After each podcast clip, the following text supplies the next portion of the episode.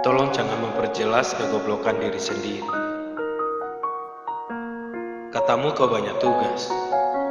Lantas mengapa duduk santai seperti di pantai dengan secangkir kopi panas?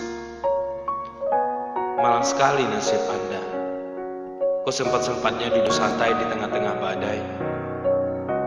Mau saya tambahkan lagi kopinya?